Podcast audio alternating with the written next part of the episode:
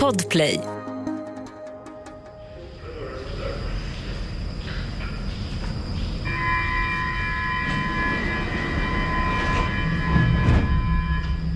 Ljuden i tunnelbanan har alltid varit kusliga för mig. Det ensliga gnisslandet.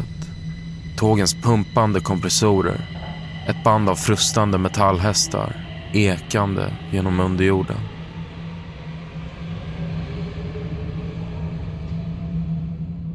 Bara tanken på vad som dolde sig där nere, på platserna dit solen aldrig når, kunde få nackhåren att resa sig. Milslånga tunnlar, vars tystnad bara bryts av tågens dånande. Ändå sökte jag mig dit om nätterna. Mitt undermedvetna tog mig till tunnelbanans undre värld. Det var mardrömmar baserade på historierna jag fått höra som barn och som följt mig in i vuxenlivet. När jag slöt ögonen förflyttades jag till just de rummen jag skrämdes av. De stora, rent av enorma salarna som ändå var så oroväckande tysta. I drömmarna drev jag runt i de mörka gångarna livrädd för vad jag kunde tänkas stöta på och pustade ut varje gång jag vaknade. Men det var innan jag visste det jag vet nu. Det jag ska berätta om för dig. Innan jag visste att mardrömmarna som hemsökte mig om natten inte var i närheten av den skräck jag skulle komma att uppleva i verkligheten.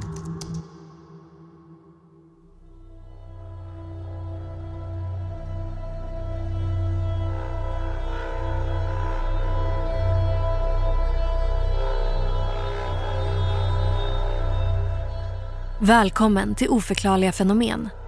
Ett program där jag, Evelina Johanna och jag, Tom Schäferdik Ta med dig på berättelser om mystiska, märkliga och obehagliga saker som hänt folk över hela världen.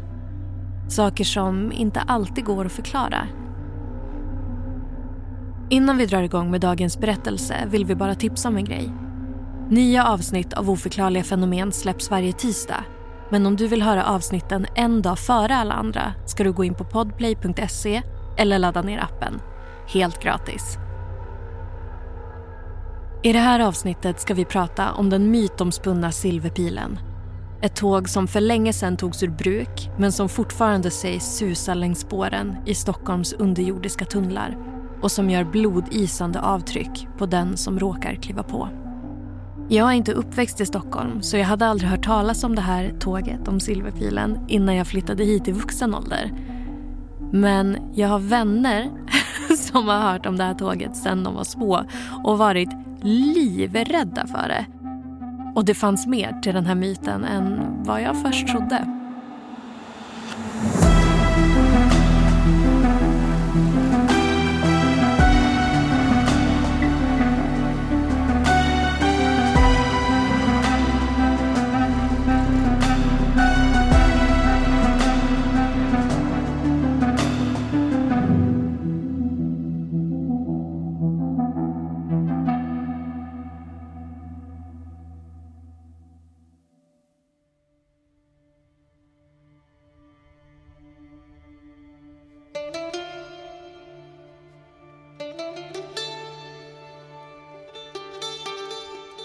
Stockholms tunnelbanenät är 110 kilometer långt och sträcker sig från stadens utkanter till dess kärna runt T-centralen.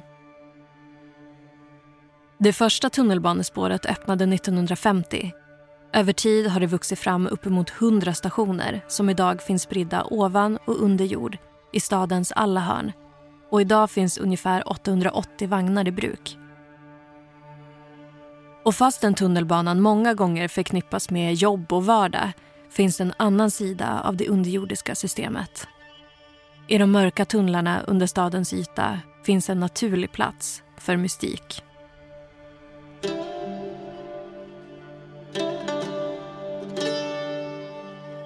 Ett fenomen som har vuxit fram och spridit sig till Stockholms tunnelbana är urban exploration, eller urban utforskning.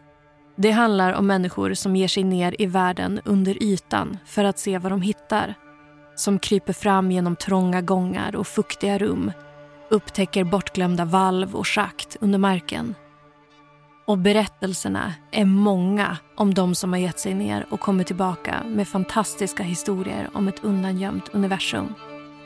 Men också om de som har gett sig ner och ännu inte kommit tillbaka. De som försvunnit i underjorden. I Stockholm berättas dessutom om tunnelfolket. Människor som bor i stadens kalla tunnlar och vrår bland råttor och smuts. Enligt vissa består tunnelfolket av våldsamma mördare drabbade av de mörka hålornas galenskap. Enligt andra är det hemlösa som blivit utstötta av samhället och som skapat ett eget samhälle djupt ner i stadens underjord. Vad som är säkert är att tunnelbanan döljer en mystisk värld som för de allra flesta av oss är främmande. Och av alla vagnar som gnisslat längs spåren genom decennierna finns det särskilt ett som sticker ut. Ett tåg som kommit att eka genom historien. Den mytomspunna Silverpilen.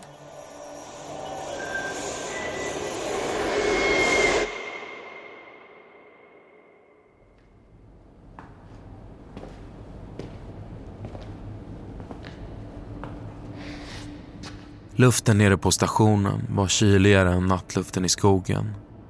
Jag var ensam där. Och förutom surret från ett trasigt lysrör som blinkade ovanför mig var det helt tyst. Den digitala skylten som hängde från taket visade tio minuter till nästa tåg. Snart hemma, tänkte jag. Snart en varm dusch och sömn i min egen mjuka säng. För att fördriva tiden gick jag långsamt fram och tillbaka på perrongen. Den hårda klacken på mina lågskor slog mot det blanka stengolvet. Ljudet ekade genom salen, studsade mot mosaikplattorna längs väggarna, upp i det mörkgrå berget och vidare ut i de kolsvarta tunnlarna. Det kändes som att effekten från pillret jag tagit på skogsravet började klinga av. Istället kröp en bedövande trötthet över mig och spred sig sakta i mina armar och ben. Jag satte mig ner på en av de låga träbänkarna och tänkte tillbaka på festen. Tänkte på killen som jag träffat. Han som gett mig tabletten. Jag försökte se hans ansikte framför mig, men fick inte upp någon bild. Försökte minnas ett enda ord han sagt till mig. Men minnet tycktes vara som bortblåst i mitt huvud. Samtidigt såg jag upp och märkte att texten på den digitala skylten hade ändrats. Minuterna var helt borta. Jag läste All trafik inställd på grund av tekniskt fel. Typiskt. Jag halade upp mobilen i fickan. Lika bra att boka en taxi. Och skärmen var svart. Och när jag försökte sätta på telefonen lyste bara symbolen med det röda, urladdade batteriet. Fan också. I några få sekunder drabbades jag av panik. Innan tröttheten tog över och jag sjönk ihop. Mer uppgiven än jag någonsin varit. Jag la mig ner på bänken. Försökte övertala mig själv att tågen skulle börja gå igen. Bara vänta en stund. Det är lika bra att vila så länge, sa jag till mig själv. Och försökte göra det så skönt jag kunde. Jag hade inget annat med mig än t-shirten, byxorna och skorna jag hade på mig. Så jag la ihop händerna som kudde, lyfte upp benen på bänken och la mig på sidan. Efter bara några minuter kände jag en blick som borrade sig in i min nacke. Jag huttrade av kyla och det kändes som om en vinterstorm plötsligt dragit in över perrongen. Varje litet hårstrå på min kropp ställde sig upp samtidigt. Jag öppnade ögonen men vågade inte röra på mig utan låg kvar. Från berget hördes viskande röster jag hade hört dem tidigare ikväll, bland träden i skogen. Men nu ännu skarpare, ännu tydligare. De verkade säga att något var på väg. Att ett tåg skulle komma. Att jag var utvald att gå ombord.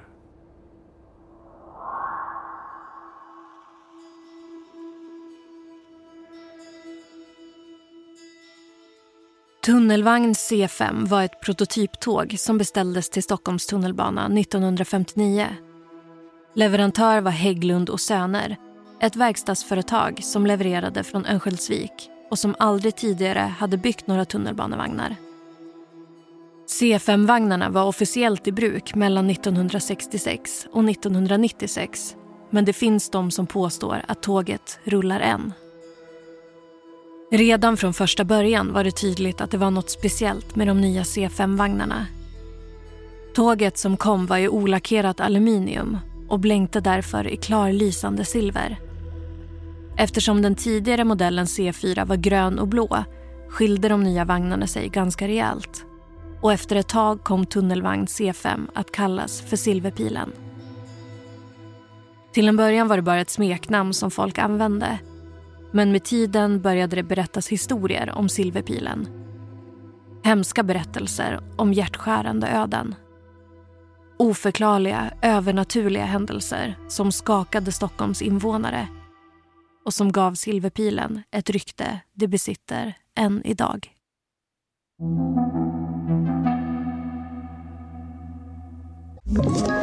Ett poddtips från Podplay. I fallen jag aldrig glömmer djupdyker Hasse Aro i arbetet bakom några av Sveriges mest uppseendeväckande brottsutredningar går vi in med hemlig telefonavlyssning och, och då upplever vi att vi får en total förändring av hans beteende. Vad är det som händer nu? Vem är det som läcker? Och så säger han att jag är kriminell, jag har varit kriminell i hela mitt liv men att mörda ett barn, där går min gräns. Nya säsongen av Fallen jag aldrig glömmer på Podplay.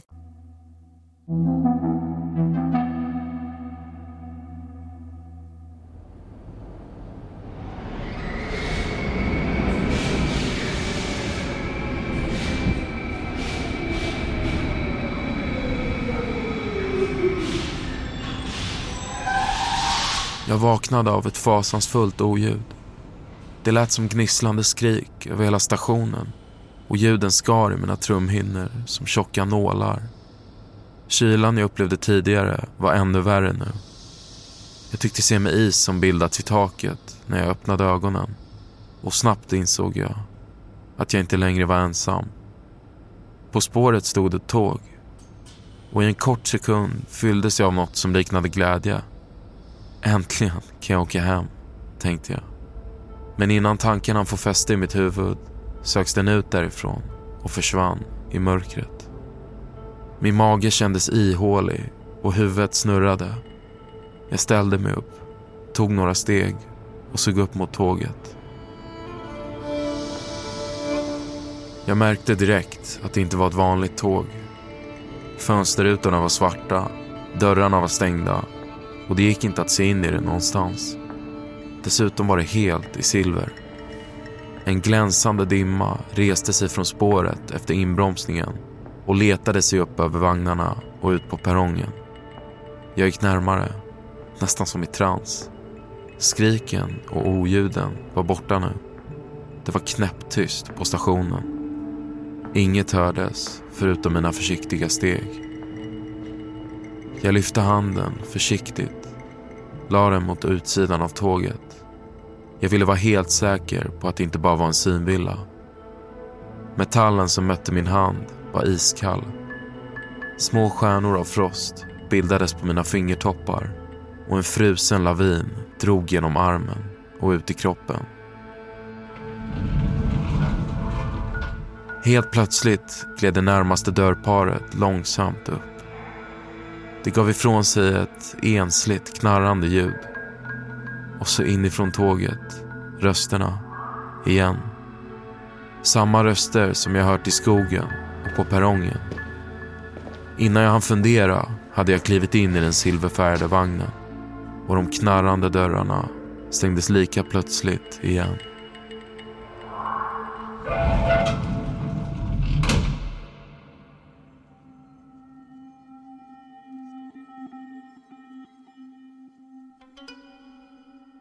Märkliga historier från tunnelbanans värld är ett fenomen som sträcker sig långt utanför Stockholms spår och tunnlar. I New York berättas det om mullvadsmänniskor.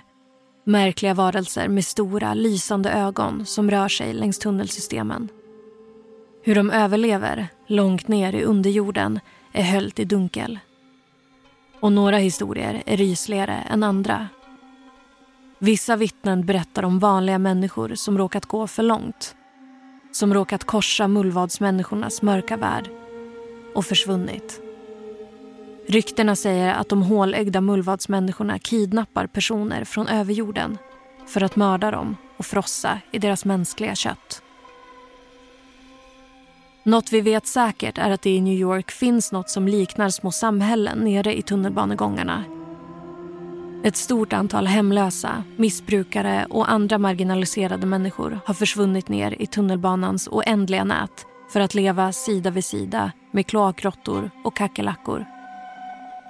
Att dessa människor faktiskt bor i tunnelbanan är väl dokumenterat.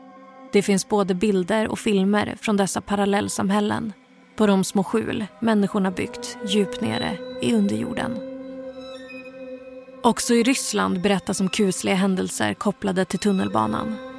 1935, när utgrävningarna började för att bygga tunnelbanan i Moskva gjorde man en del obehagliga fynd. Djupt nere i marken under stadens centrum hittade man tsar Ivan den fjärdes tortyrkammare. Tsar Ivan, eller Ivan den förskräcklige som han också kallas, var en ovanligt grym härskare. Tortyrkammaren, som fick namnet Hantlangarens domstol var byggd i underjorden i anslutning till hovet genom långa tunnlar så att Ivan kunde gå dit och se sina offer lida. Där kunde han släppa sina björnar lösa på de redan misshandlade och blodiga motståndarna för att sen begrava dem levande om deras hjärtan fortfarande slog. Utgrävarna hittade flera benrester i anslutning till den beryktade tortyrkammaren och historiens blodiga vingslag fortsätter sprida en svag doft av död i Moskvas underjord än idag. Förutom Ivan den förskräckliges tortyrkammare sägs tunnelbanan i Moskvas underjord dölja ännu mer mystik.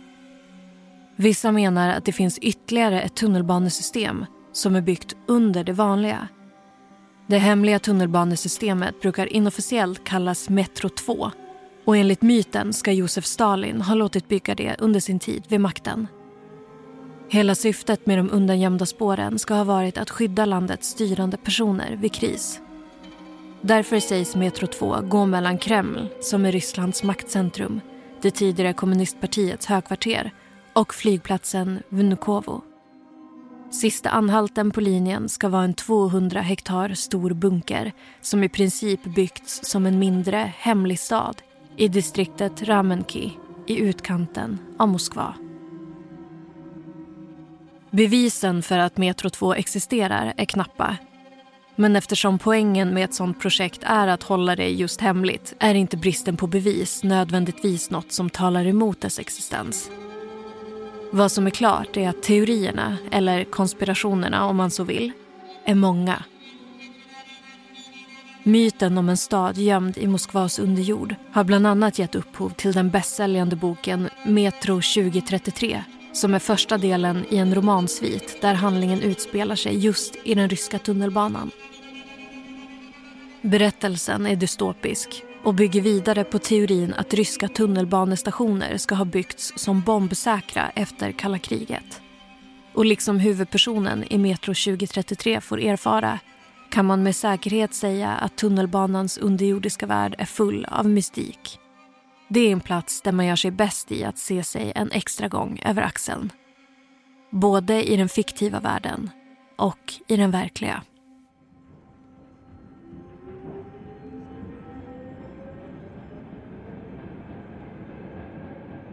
Genast efter att jag klivit på började tåget rulla. Först långsamt och tungt. Sen snabbare. Hjulen gnisslade mot rälsen som naglar mot en griffeltavla. Jag började gå genom vagnen och tittade på passagerarna. Det var märkligt att så många var ute och åkte vid den här tiden. Och jag reagerade på att alla var välklädda. De satt rakryggade med händerna längs sidorna och stirrade tomt rakt framför sig. Först när jag satte mig ner märkte jag att sätena var fuktiga och liksom svampiga. En stark lukt av mögel steg upp från dem.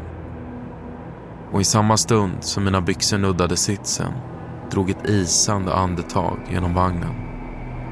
Hjulen skrek så högt mot spåren att jag satte händerna för öronen.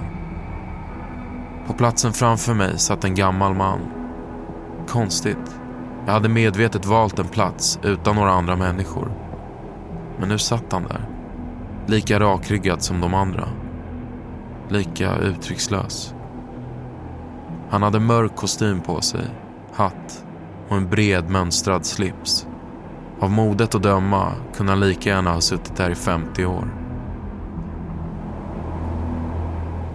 Jag såg upp i mannens ansikte. Hans blick var som dimma.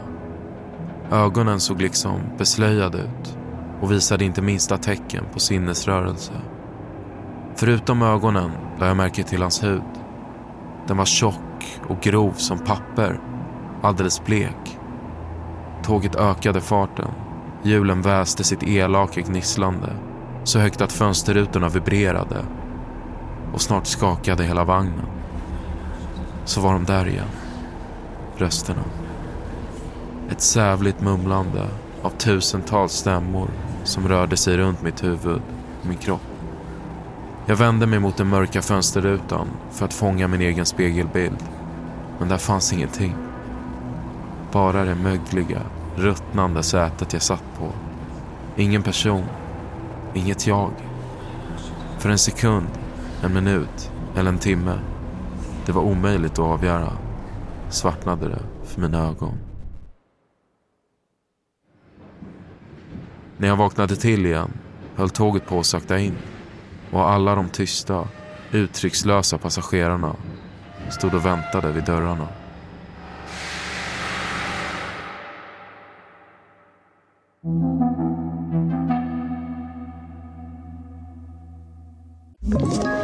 Ett poddtips från Podplay. I fallen jag aldrig glömmer djupdyker Hasse Aro i arbetet bakom några av Sveriges mest uppseendeväckande brottsutredningar. Går vi in med hemlig telefonavlyssning och, och då upplever vi att vi får en total förändring av hans beteende. Vad är det som händer nu? Vem är det som läcker? Och så säger han att jag är kriminell, jag har varit kriminell i hela mitt liv men att mörda ett barn, där går min gräns. Nya säsongen av Fallen jag aldrig glömmer på Podplay.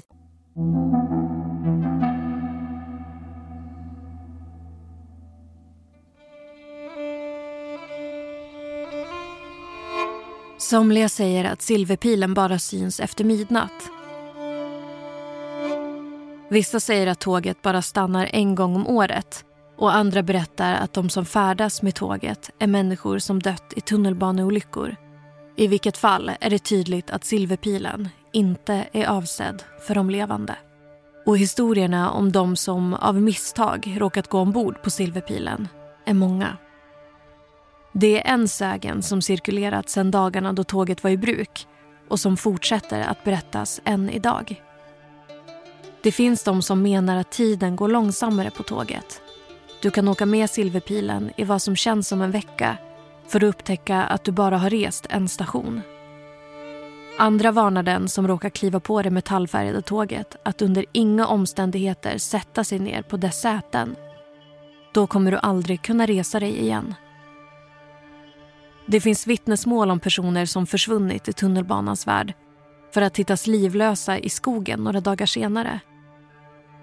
Andra verkar ha överlevt resan men blivit så pass skärrade att de förändrats för evigt. Dessutom verkar de ha en tendens att råka ut för obehagliga händelser och märkliga olyckor efter sin resa.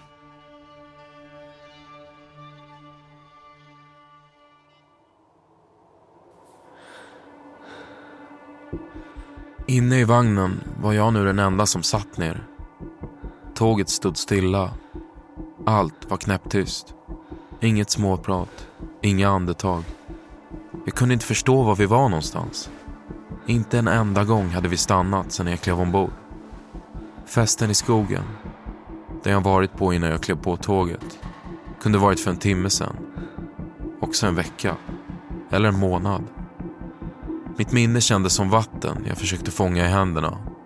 Oavsett hur mycket jag ville få tag på det rann det ständigt ifrån mig. Plötsligt slets tågdörrarna upp med ett öronbedövande dån. Som hungriga vargar trängde sig passagerarna ut på perrongen. De var förändrade. Det själlösa, ihåliga som jag sett tidigare i deras ögon hade bytts ut mot ett gult sken som strålade ur ögonhålorna. Deras kroppar rörde sig ryckigt. Ett huvud rullade runt på nacken i en spastisk rörelse och tillsammans formade de en tät klunga som började gå bort från tåget.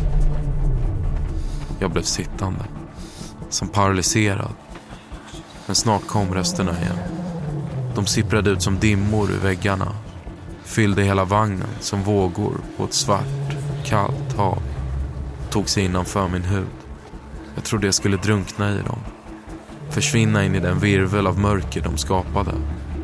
Men i en sista stund av medvetande kastade jag mig av tåget och blev stående på perrongen. Stationen vi anlänt till var ingen normal station. Det fanns ingen färg, inget liv. Den var död. En övergiven betongtunnel. Ett ingenmansland. Jag såg upp och läste Kymlinge på en skylt på väggen. Men det sa mig ingenting. Vid stationens ena ände stod två ståldörrar. Någonting som liknade en utgång. På håll skymtade jag klungan med de andra passagerarna och sprang efter dem. Mina steg ekade i tunneln. Jag höll mig en bit bakom de andra. Ville inte komma för nära. En ilsken vind susade på den döda stationen. Ett stegrande vinande som sakta blev högre och högre. Från min plats en bit bakom såg jag hur passagerarna närmade sig utgången. Jag såg hur de från en sekund till en annan gled genom ståldörrarna utan att öppna dem. Som rökmoln svävade de ut i natten. Utan spår, utan ljud. Plötsligt borta. Jag sprang fram till dörrarna, ryckte i handtagen, använde hela min vikt för att försöka trycka upp dem. Men det var låst. I ren desperation fortsatte jag att försöka öppna dörrarna, sparkade och slog. Men det fanns inte mycket styrka kvar i min kropp efter natten som varit. Och till slut föll jag ihop på marken. Det sista jag minns från Kymlinge är rösterna. Ekande genom de ensliga betongvalven. En kör av korpsvarta skratt som borrade sig in i mitt huvud och fick allt att försvinna.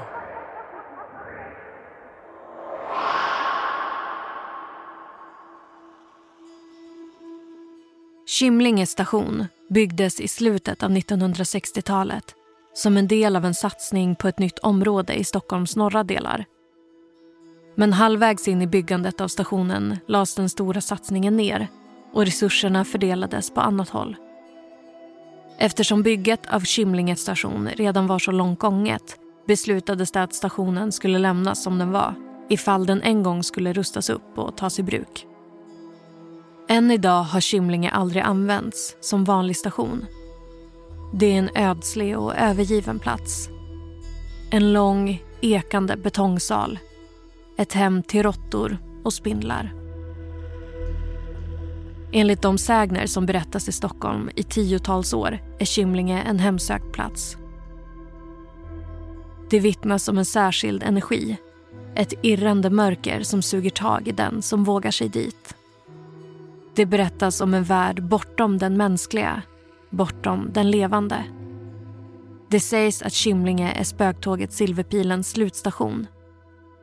Ett hem åt de döda och en vanlig människas värsta mardröm.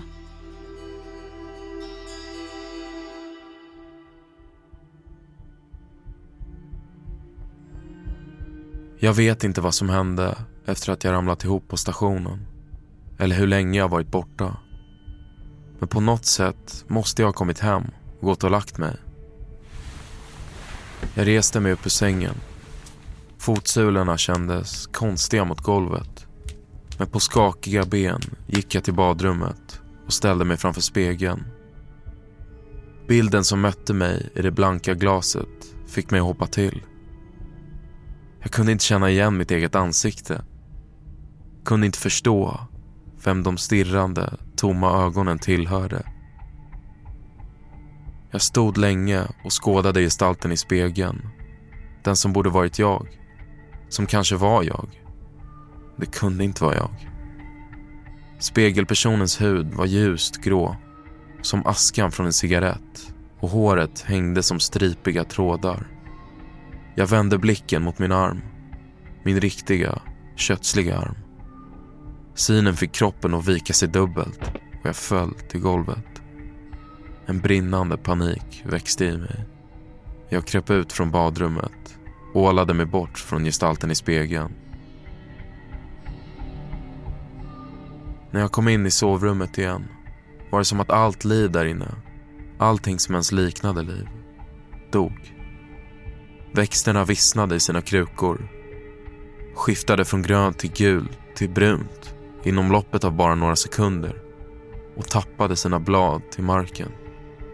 Mina fiskar singlade döda ner till botten av sitt akvarium och plötsligt, som ett iskallt regn, hörde jag rösterna tränga ut ur väggarna. De svärmade runt mig, skrek i mig. Vassa, nasala dödsskrik, tagna ur en annan värld. Jag försökte resa mig och tog hjälp med handen mot väggen. Istället för att trycka ifrån mot den vita väggen gled min hand rakt igenom den. I en våldsam rörelse följde armen efter. Tills hela min ihåliga kropp föll friktionsfritt genom det som borde varit stenhård betong. Jag dunsade i golvet, som konstigt nog fortfarande verkade bära mig. Skärrad satte jag mig upp och drog knäna mot hakan. Och i mörkret, där på golvet, började det till slut gå upp för mig. Jag var inte längre mitt namn. Inte längre min kropp. Jag var inte längre kött och blod. Utan en dimma av en människa. Ett skal utan innehåll. Jag förstod att jag var märkt av silverpilen. Och att jag aldrig skulle bli mig själv igen. Jag vet inte hur länge jag kommer finnas kvar i den här formen. I den här världen. Så det är därför jag berättar det här för dig nu. Snälla, ta mina ord på allvar. Om du någon gång ser det silverfärgade tåget rulla in på perrongen, ta dig därifrån och se inte tillbaka.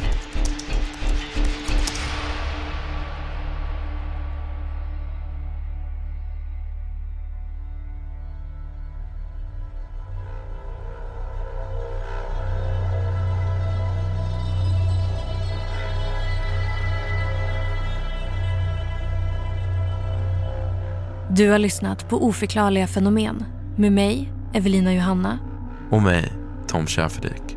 Glöm inte att följa oss på TikTok där ni kan se bilder på Silverpilen. Har ni idéer på fler oförklarliga fenomen? Lämna en kommentar eller skriv till oss på Instagram.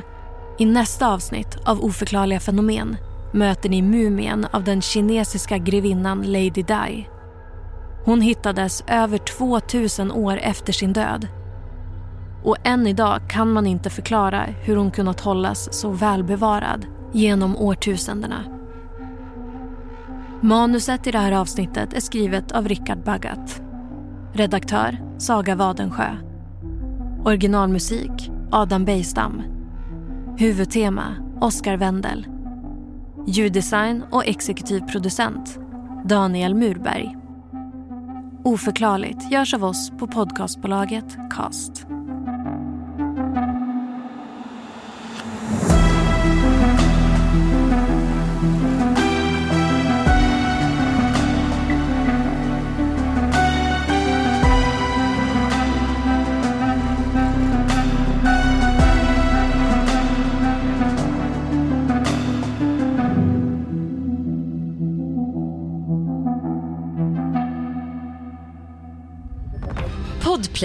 En del av Power Media.